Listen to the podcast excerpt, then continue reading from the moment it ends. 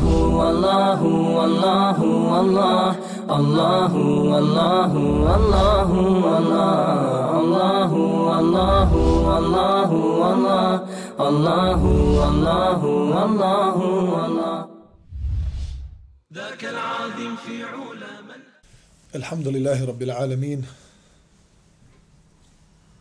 اللهم لك الحمد عدد خلقك ورضا نفسك وزينة عرشك ومداد كلماتك. اللهم صل وسلم وبارك على محمد وعلى آله وصحبه أجمعين اللهم علمنا ما ينفعنا وانفعنا بما علمتنا وزدنا علما يا كريم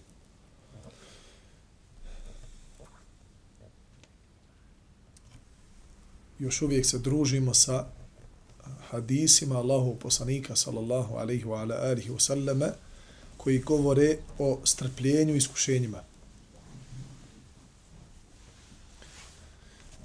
Zašto je zašto je bitno da da čovjek čita o hadisima koji govore o iskušenju obraću?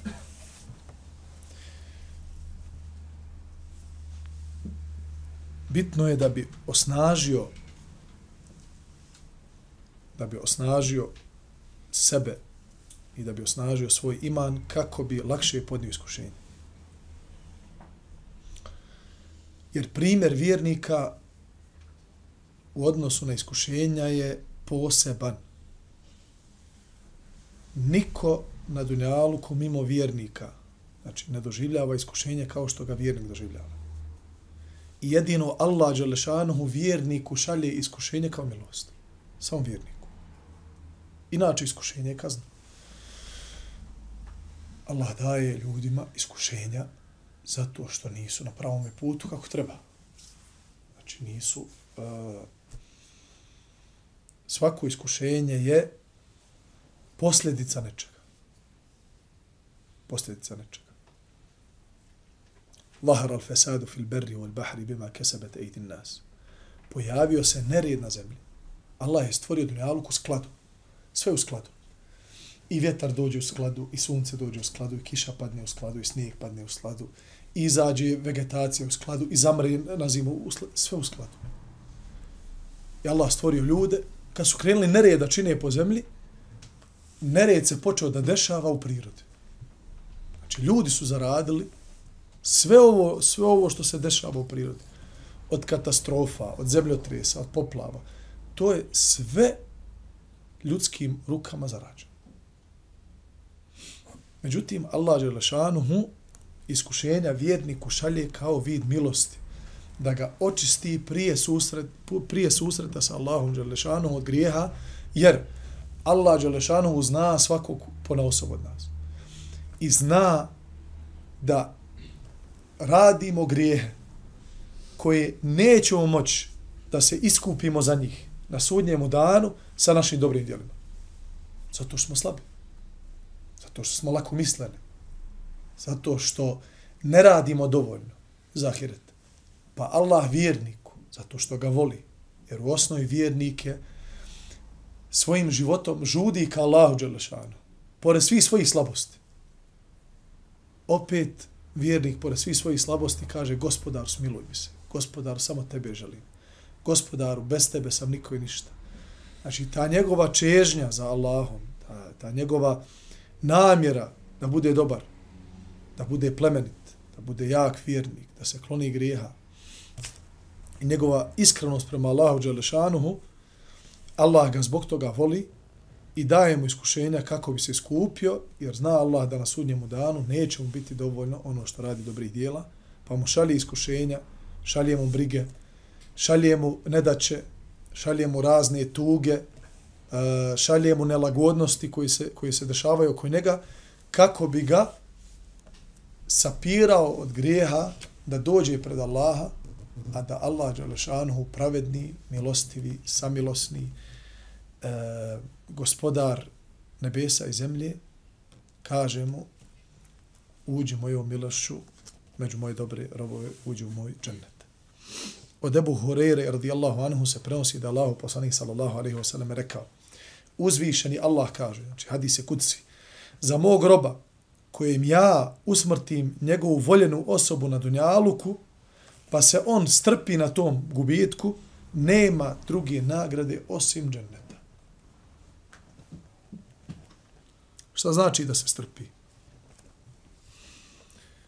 Znači da ne kaže ništa loše o gospodaru svijetu. Jedno od velikih grešaka koje ljudi čine kada, mu, kada dođe do iskušenja, kada mu se desi iskušenje, da kaže zašto meni? Što meni ovo gospodar posla? To ljudi radi iz, iz neznanja. Znači njihovo znanje o Allahu je jako malo i to većinom ljudi rade iz neznanja o Allahu Đelešanuhu i o to proizilazi iz slabog imana čovjek koji sebi dozvoli da kaže gospodar, zašto si meni ovo radio? Zašto si meni ovo? Zašto se meni ovo dešava? Znači, to pravi vjernik ne treba sebi da dozvoli. A ako bi čovjek zapao u tu situaciju, treba da prispita svoj iman, svoju iskrenost. Na način da razmisli o svojim postupcima, da vidi nivo svoga iskušenja i da ga samo uporedi, ništa drugo samo da ga uporedi nivo svog iskušenja sa iskušenjima kroz koji su prolazili najbolji ljudi koji su kročili dunjalku. A to su Rusul, Allahu i poslanici. alaihimu salatu se. Pogledamo kroz njihova iskušenja, kroz koja su prolazili. Nuh, alaihi salama, izdala žena. Uh, sin nije htio sa njim. Kaže, ti oče na svoju stranu, ja na svoju. Ja imam svoju družinu, ti svoju družinu. Lut, alaih salama, izdala žena. Ibrahim, alaih salam, katapultirao otac rođeni, Halilullah. Rođeni otac, kaže, napravite katapult i to je, kažu, u istoriji prvi katapult koji je napravio. Jer su napravili veliku vatru, kako god hoće da priđu u vatri, da ga bace u vatru, ne mogu da priđu, prži vatru. Hamo kaže nešto napraviti da ga da ga nešto fizički, onda su napravili neki katapult, stavili ga, zavezali i spali ga u vatru. Isa alaihi salatu wasalam. Narod ga njegov izdu. Učenik njegov. Narod njegov ga htio da razapne, da ga ubi. Naš poslanik alaihi salatu wasalam krvario. Znači, rahmetan lil alamin. Milost svim svjetovima nije poslan samo da je milost vjernicima. Pa da mi to onda razumijemo, aha, pa milost vjernicima došao je sa uputom, alihi salatu wasalam, donio vjernicima lijepe vijesti, šta ih čeka na Ne, rahmetel lil alamin. Milost svjetovima i vidljivim i nevidljivim i onim znanim i onim manje znanim. Naš alihi salatu wasalam, krvario na Allahom putu. Allah mu uzeo mušku djecu iskušan sa raznim iskušenjima. Prognali ga, izolirali ga. U izolaciji mu umro čovjek koji ga je štitio. Njegov amidža, Ebu Talib. U toj istoj godini njegova supruga koji je najviše volio preselila također. Ne zna šta će sutra biti. I uporadiš svoje iskušenje sa iskušenjima Allahu i miljenika. I vidjet ćeš da tvoje iskušenje je jako malo. I onda popravi svoj odnos sprem Allahu. Padni mu na seždu i dovi mu da ti popravi tvoje stanje. Neće biti lako. Znači, neće biti lako. To je najteži je popravak. Čovjeka se tek privati vjere, sve mu ide glatko i slatko. I svaki propis koji prihvati, prihvati ga lako. Jer mu je srce čisto. Njegova namjera iskrena. I on se nadograđuje. Allah mu pomaže u tome. Najteže je, braćo moja, kada čovjek spozna istinu, slijedi pravi put, pa krene to da ostavlja. I onda na pola puta, ili možda pred kraj, pred kraj puta, shvati da je pogriješio i treba se da se vrati. To je najteže. To je jako gorko. Ali treba čovjek da se strpi i da tu gorčinu shvati da je to put jedini ka izlečenju njegove duše. Jer kada čovjek se razboli, a, najbolji lijek je onaj koji je gorak. On je najbolji. Gutaš ga, smrkneš se, ali gutaš ga jer znaš da je u tome lijek.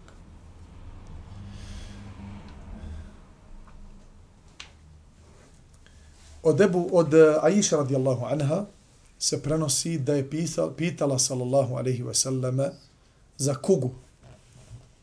Pa je on rekao, u ovom hadisu se nalazi, ono što malo prije spominjali, da je uh, odnos vjernika sprem iskušenja poseban. Pa je rekao, sallallahu alaihi wa koga kuga je bila kazna koju je Allah uzvišeni slao na koga je htio.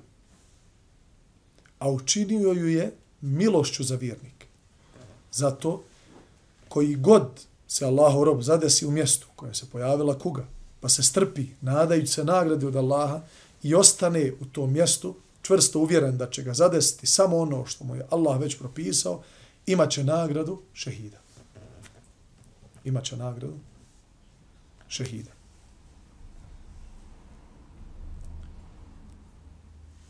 Također od Enesa radijallahu anhu, da je čuo poslanika sallallahu alaihi wasallam da kaže, kaže uzvišeni Allah, ako svoga roba iskušan gubitkom vida, pa se strpi, daću mu džennet kao nak, naknadu za ono što sam oduzio. Mnogobrojni su hadisi, braću moja, koji obećavaju velike deređe.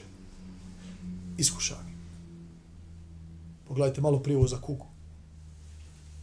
Znači, kuga je strah. Pojavila se zarazna bolest koja ubija. Zadesio se u tom gradu. Ne izlazi. Jer možda imaš, prenećeš se na drugo mjesto. E, bježiš od, od Allahu. Razne su. Znači, Ulema kada je govorila e, zbog čega je sallallahu alaihi wasallame e, rekao ako se nađete u mjestu kojem vlada kuga, ne izlasti iz njega. A ako e, čujete da u nekom mjestu ima kuga, vi niste u njemu, ne ulazite u njega. A u prvom slučaju ne izlazite iz mjesta gdje je kuga, strpite se i nadajte se nagradi od Allaha ko to uradi i znači prođe ta kuga, imaće nagradu šehid. Znači za pretrpljenu strah, za vjerovanje u Allaha Đelešanhu, za e, iskušenje, da ne može da se normalno kreće, da ne može da... Znači, ovamo, u ovom hadisu govori se o slepilu. Znači, kome Allah uzme vid, Allah će mu zbog tog gubitka, koji je također od Allahove odredbe, nadoknadit ćemo taj gubitak na način da ćemo na sudnjemu danu reći ulazi u dženet zbog onoga što se izgubio. Jeste li ikada čuli jedan hadis? Jeste li ikada čuli jedan hadis? I jednu predaju? Jednu izjavu nekoga alima da je rekao ko bude lagodno živio, svake sedmice se masirao, najljepša jela jeo, odmarao negdje, ništa ne radio, dobit će visoka, visoke deređe u džennetu. Nikada tu ništa čuti. Jer, braćo moja, rahatlu rahatlukom se ne može džemlje zaraditi. Ovo govorim s namjerom, jer e, imate ljude koje Allah stalno iskušava. Ako ga ne iskuša si metkom, iskuša ga sa bolešću. Ako ga ne iskuša, iskuša sa bolešću, iskuša ga sa nekim čovjekom drugim sa strane ili nekom osobom koja će ga izijetiti. Ako ga ne iskuša s time, iskuša ga sa nekom brigom. Ako ne iskušaš sa brigom, iskuša ga sa, sa, sa e, sa nečim desetim, u djetetu, u supruzi, tako dalje, u majici, u ocu. To nije loše, vraću. Naprotiv. Allah ima, znači, plan sa tim čovjekom, sa tom osobom. Hoće da ga uzdigne na visoke stepen. Znači, njemu je stepen u Firdeusu, ali svojim dijelima on ne može da to stekne. I ovo kad je vidio pitanje, braćo moja, skoro sam poslušao jedan audio snimak jednog razgovora. Vidi se da nije fabrikovan, e, na čistom francuskom jeziku je bio i razgovor je tekao iz call centra, nazvan je slučajni korisnik, da mu se ponudi neka, neka roba. E, djevojka koja je zvala iz call centra, nudila je usluge interneta, e, ovih, kako se zove, kablovske televizije. Sad ti dođeš, kaže, on, ona ti ponudi, toliko je novaca, dođu, oni sve montiraju, ono ti pristaniš, ne pristaniš, tako dalje, da li koristite već internet uslugu, ne koristimo. Znači, ono, u tome se radi. E, dobila je na, te, na telefon, na razgovoru je bila sa nekom starom ženom, ženom francuskom je. I pošto je osjetila da je stara, da se radi o staroj osobi, kaže, gospođo, možete li nam dati nekoga koji je zadužen za vaše internet račune i to, da porazgovaram sa njim? Kaže ona njoj, oprostite, kaže, mislim da ste pogriješili. Ja nemam interneta nikako. Aha, nemate interneta. Pa kaže, imate li kompjuter? Kaže, nema ni kompjuter kući. Kaže, ok, onda izvinjavam se, kaže, stvarno, ono, pogriješila sam. Kaže, ova njoj stara žena. Kaže, e, šćeri moja, želim ti, kaže, pošto sam već nazvala, kaže, želim da iskoristim priliku, ja ti kažem da ti želim sve najbolje u tvom radu, jer, kaže, znam da je vaš posao uh, mukotrpan, cijeli dan zoveš, nazove, nazoveš onaj mušteriju koja je nervozna, neko, želi, neko ti spusti slušalcu. Znači, radilo se, ova stara žena, radilo se o, o jednoj pametnoj, inteligentnoj osobi. I kaže, želim ti sve najbolje. Kaže, on joj hvala ti puno onaj, na, na lijepim riječima. I nastavlja ova starica i kaže, sine moj, kaže, ja sam e, stara žena, meni je 70 nešto godina, kaže, oslijepila sam I malo mi je još ostalo, kaže, na ovom svijetu. Uskoro ću umrijet, i ka, ali sretna sam, kaže, što živi. Zadovoljna sam sa svojim životom, kaže, kakav je takav. Slijepa sam, kaže, ne mogu ni TV, imam TV kući, kaže, kupila sam ga dok sam vidjela, kaže, sad sam oslijepila, samo mogu da slušam kao radio. Ali eto, kaže, onaj, tako ono, kaže ova djevojka, kaže, jako ste, kaže, ljubazni, kaže, gospođo, ako se meni desi, kaže, danas da u toku dana nazovem još jednu ženu poput vas, tako kulturnu, koja me žela sve najbolje u mom poslu, kaže, ja ću biti, kaže, jako sretna, onaj, žena. Kaže, nije ova starca, kaže, mogu te nešto pitati, kaže, pita. Jesi li ti, kaže, možda uh, sa sjevera Af Afrike, misleći na Maroko, Alžir, Libiju, taj pojas, kaže, jesam. Kaže, vidjela sam to, kaže, vidjela si jako kulturna, kaže, onaj, i, kaže, primijetila sam to na tvom govoru. A kaže, jesam muslimanka? Kaže, ova djevojka, jesam. Kaže, ova stara baka, ja nisam, kaže, muslimanka. Zovem se Eliz. Učila sam arapski jezik, a sam imala 52 godine. I kaže, znam, učila sam, kaže, Kur'an, Eh, interesovala se za vašu vjeru, ali kaže, uvijek sam to gledala kao hajde ono, izvor informacija da vidim šta to su u islamu govori, da, da pročitam, da vidim šta, šta oni to govori. Ali kaže sad, pred kraj života, kaže onaj, želim s tobom da nešto iz svog srca podijelim, kaže, iskreno, onako iz dubine moje duše. I onda je žena svojim čistim jezikom, znači, na arapskom, rekla, ešhedu an la ilaha illa Allah, wa ešhedu anna Muhammeden abduhu wa rasulu. Subhanallah, kad sam to čuo tako me nekako dojmilo. Četiri puta sam preslušao taj audio snimak, svaki put kao ko da tek slušam. Nisam mogao onaj, suzdržati ni emocije, ni, ni suze. Toliko me to dojmilo. Pogledaj, rekao, cijeli život je ta žena usamljena, daleko od Allaha, oslijepila, nema nikoga, sama živi. I Allah zna nakon tog razgovora kad joj je smrt pokucala na vrata, da li joj je pokucala, iako jest, možda je veoma brzo. I da nju ta djevojka nazove na telefon. I da se to njeno svjedočenje, da nema drugog Boga sem Allah, i da je Muhammed alaih salatu selam, Boži robi, Boži poslanik, zabilježi, a? zabilježi i da postane viralno. To je snimak otišao, to nema ko ne dijeli, znači po, po ovim WhatsApp grupama, po Viberima. Znači, to je i istok i zapad je čuo svjedočenje te žene kaže, ja ti ja ovo iskreno izgovaram, ja sam, kaže, ubijeđena da, onaj, i onda je, kaže, sjećam se još, kaže, jedne dove na arapskom koju nas je profesor naučio, dok smo učili arapski jezik. I onda je pručila tu dovu, ova djevojka kaže, ja, ja sam, kaže, u suzama. Onaj. Kad Allah hoće nekome da se smiluje. Oduzeo je Allah vid, ali je dao da njeno srce progleda. I onako jako zanimljivo, znači vidi se da je ta žena, onaj, Allah najbolje zna, ali, ali onaj, pokazatelji su da je iskrena i Allah je učinio prije njene smrti, znači ona je bila sama, da hiljade ili desetine hiljada, možda i više stotine hiljada ljudi sada svjedoči živi ljudi e, njenom šehadetu, tako što su čuli taj snimak.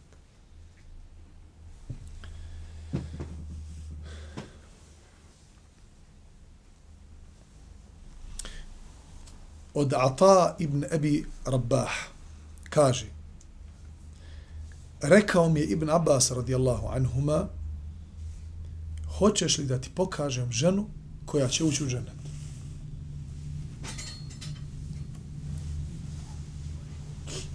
Znači, Ibn Abbas radijallahu anhu, poznati ashab, govori Ata'u, hoćeš da ti znači, pokažem živu ženu koja hoda, koja će ući u dženet.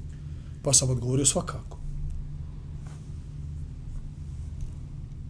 Tada je Ibn Abbas rekao, pogledaj ovu crnkinu. Bila je, a, pogledaj ovu crnkinu. Došla je vjerovjesniku, sallallahu alaihi wasallam, i rekao, rekla mu, ja ponekada dobivam padavicu. Pa moli Allaha za moje izlečenje. Inni usra'u wa inni etekešefu. Ja dobijam padavicu i kad dobijem padavicu, otkriju mi se dijelovi tijela.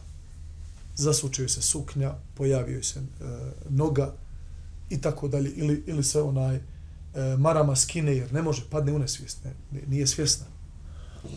Kaže, pa moli Allaha za mene. Kaže, sallallahu alaihi wasallam, ako želiš doviću, a ako se strpiš na ovome, tebi pripada džennet. Znači, čim preseliš, tebi je džennet kaže ova žena, ja ću se strpiti. Ali, kaže, dovi Allahu da mi se više ne otkrivaju dijelovi tijela kad padnem u, u, u, u, u tu situaciju. Pa je sallallahu alaihi wasallame proučio Allahu dovu da kada dobije padavicu, da ju se ne otkrivaju dijelovi tijela. Ovaj hadis je kod Buhari i kod muslima u sahihima. Ovo je još jedan hadis koji potvrđuje, braćo moja, da trajna iskušenja čovjeka vode ravno ka dženetu. Znači, musliman čovjek ima neko trajno oštećenje.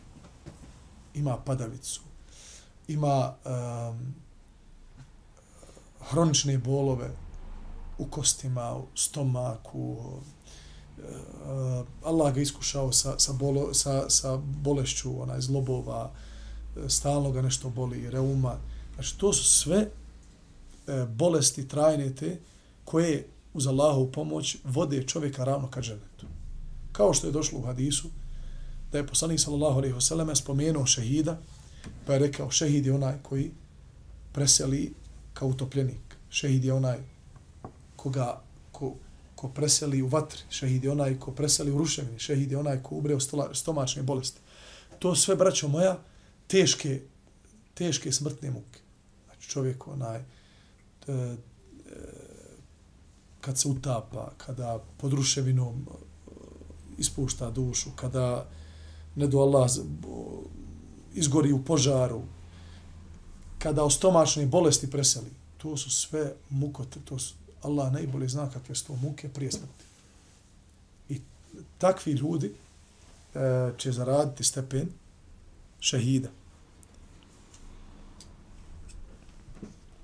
Također od uh, Ebu Abdurrahmana ibn Mesuda radijallahu anhu rekao je kao da sada gledamo Allahovu poslanika sallallahu alaihi wasallam kako priča o jednom od vjerovjesnika. To je bila praksa, računaj. Ovo što mi sada radimo, što podsjećamo jedan drugi, da su vjerovjesnici bili iskušani sa velikim iskušenjima.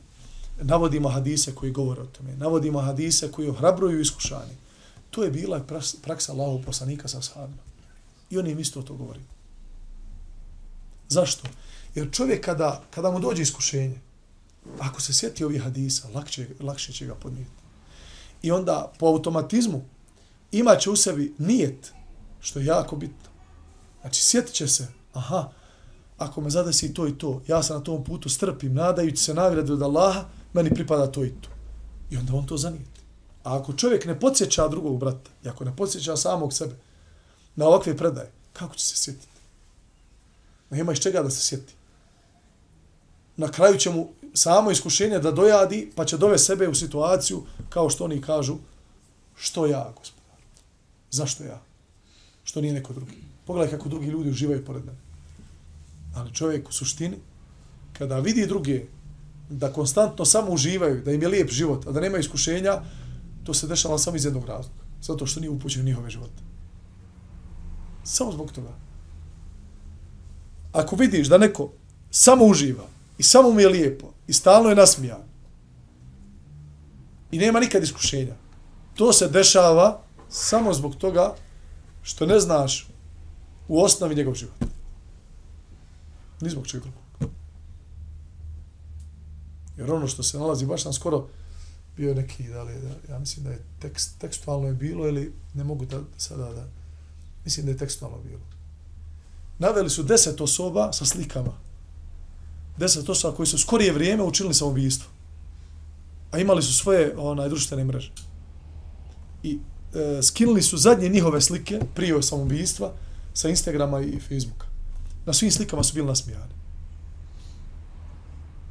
Do te mjere da ona, bili su nasmijani do te mjere da čovjek kaže ovi imaju savršen život. Ovi su 0,24 nasmijani. Nemalo zatim, možda u istom danu sutradan izvršio samoubistvo. A čovjek ne izvršava samoubistvo ako je zadovoljan sa svojim životom.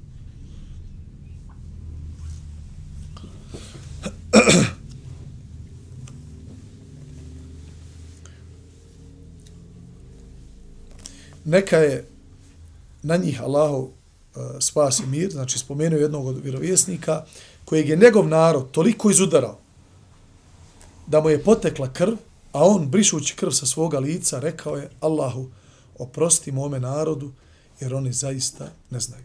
To je sallallahu alaihi wasallam rekao kada?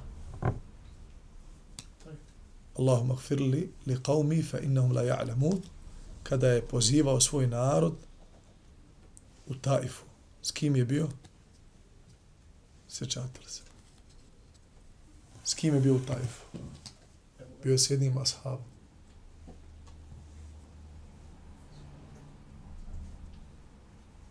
Sira. Ne.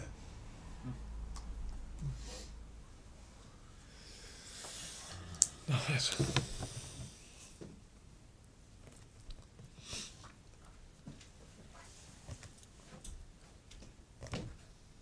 Od Ebu Sa'ida radijallahu anhuma prenosi se da je vjerovjesnik sallallahu alaihi wasallame rekao vjernika ne pogodi nikakva nedaća.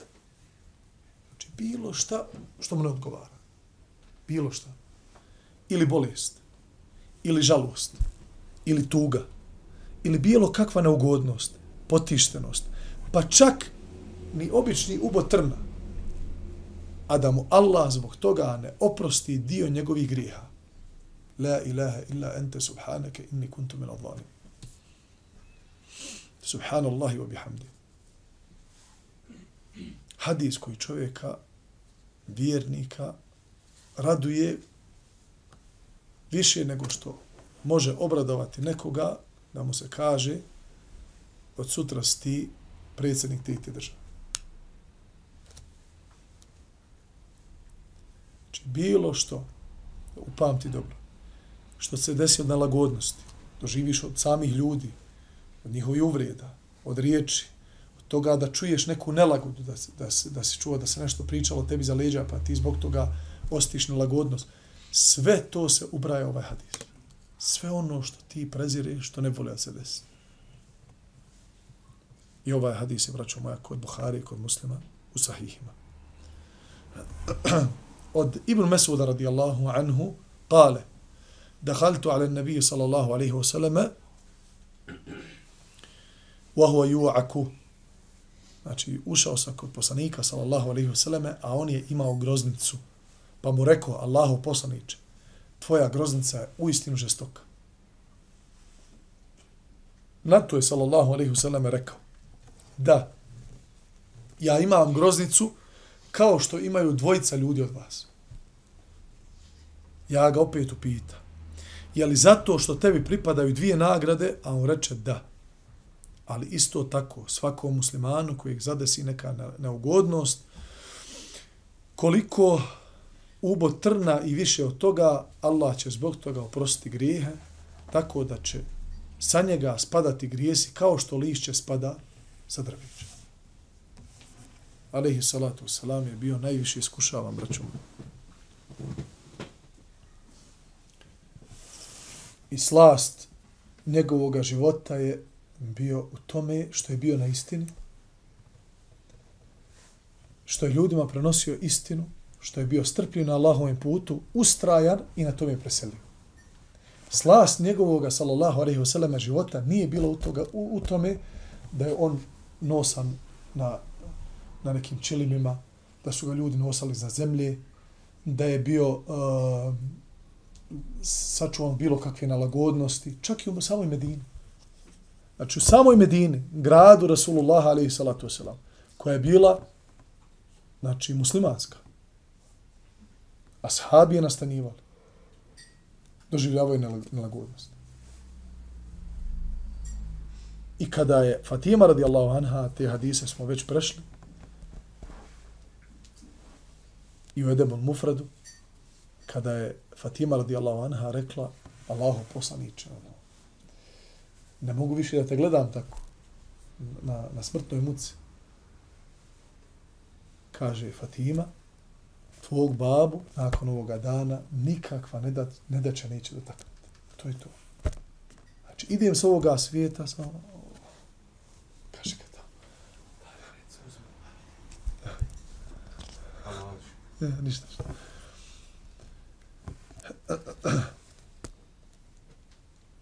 Čovjeka sam osjetljiv, znači to je ko moj receptor i koncentracija.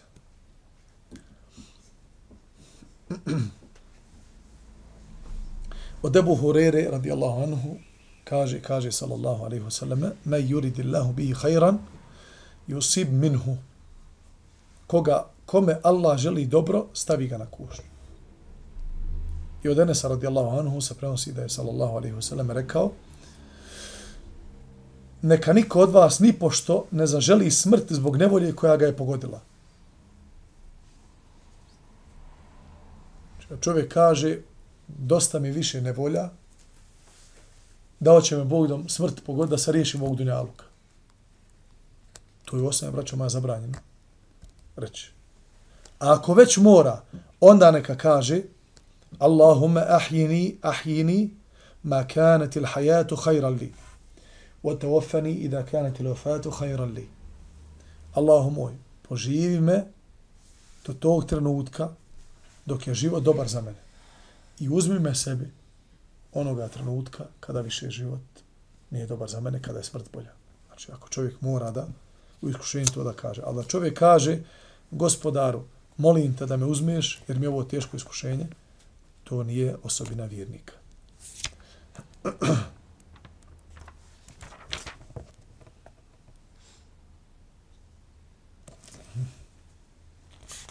I završit ćemo predavanje sa hadisom od Ebu Abdullaha Hababa ibn Ereta radijallahu anhu. Kazuje, poslanik alaihi salatu wasalam ležao je u hladu Kaabe, stavivši svoj ogrtač pod glavu kao jastuk. A mi smo mu se požalili na uznemiravanje mušrika. To je bilo u mekanskom periodu. Nekada ćete biti u situaciji u svome životu da uradite sve što je do vas, ali opet ništa ne valja. Hoćeš tada hodat po sobi, od čoška do čoška, sikirat se, češat se po glavi, šta da radi? Evo sve samo radi. Poslanik Ali Salatu Salam uradio što za njega. Pozivao svoj narod na najljepši način. upućivao ljude, e, ohrabrivao svoje ashabe. Kraju krajeva čovjek, insani, ne može, kao što se kod nas kaže, glavom kroz zid. Uzeo svoj grtač, smotao ga koji jasno, lego, da se odmori.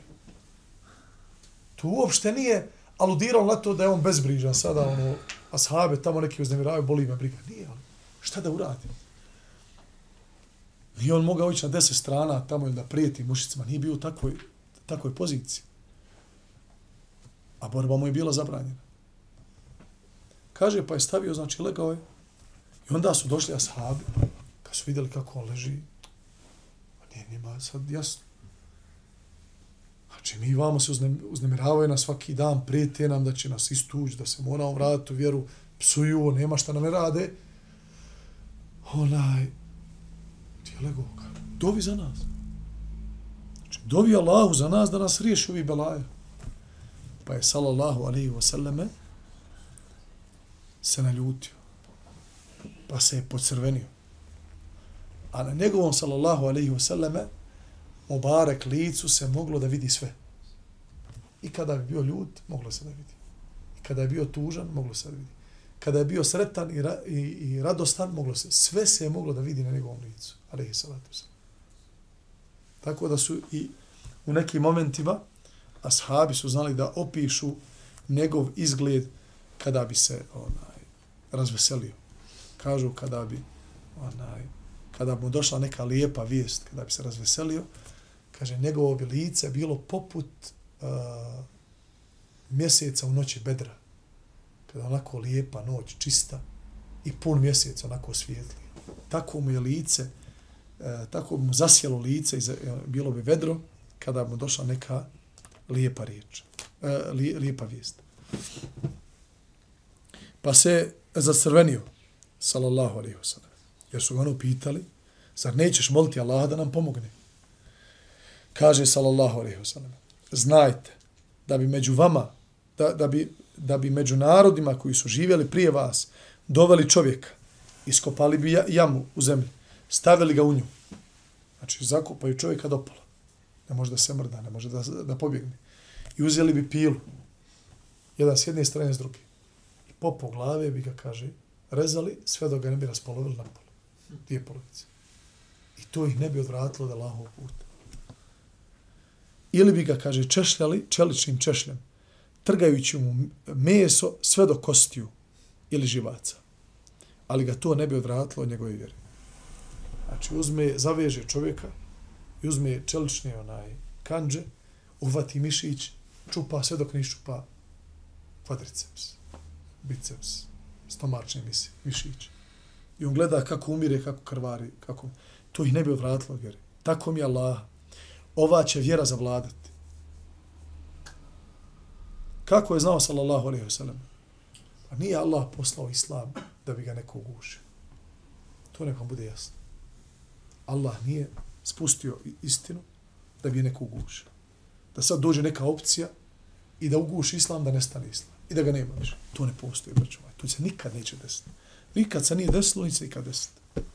Bilo je trenutak u umetu kada je umet bio jako slab razoren, e, napad, napadnut, ubijani muslimani na milione, za nekoliko dana, dva, tri miliona muslimana. Pa ne bude na monarama, sedmicama nema ezana. Nema džuma, nema ništa. Gotovo. Zamru islam. Mi ovo što malo zikrijemo, to po podrumima, smo se posakrivali. Jel umro islam? Jel nesto islam? Nije tako mi Allah. Ne može. To je Allahova vjera. Allah je pomaže. Wallahu mutimmu nurihi walau kariha al-kafiru. Kaže, ova će vjera zavladati, pa će jahač putovati od Sana'a, to je Sana'a je u, u Jemenu, do Hadra Mauta, do Jordana, ne bojeći se nikoga osim Allaha ili vuka za svoje stazo, stado. Ali vi ste nestrpljivi i požurijete. Vi ste nestrpljivi i požurijete. Tako i sa uputom, račuma. Na nama je da ljude upućujemo na pravi put, Allahom dozvoljeno. da ih opominjemo, da im kažemo lijepo riječ. Kad će oni krenuti da klanjaju? Kad će se oni pokajati Allah? To nije u našim rukama. I nije u našim rukama, braćo moja, ni naša reakcija na način da uh, grdimo te ljude, da požurujemo ili da uh, smatramo da Allah svoju milost neće poslati te ljude. Allahu poslanik alaih salatu wasalam nikada nije ni od koga odustao. Ako bi neko primio islam, on bi bio najsretniji. A ako bi neko odbijao, on bi ponovo pokušao. Sallallahu alaihi wa sallam. أقول قولي هذا واستغفر الله لي ولكم سبحانك اللهم وبحمدك أشهد أن لا إله إلا أنت استغفرك وأتوب إليك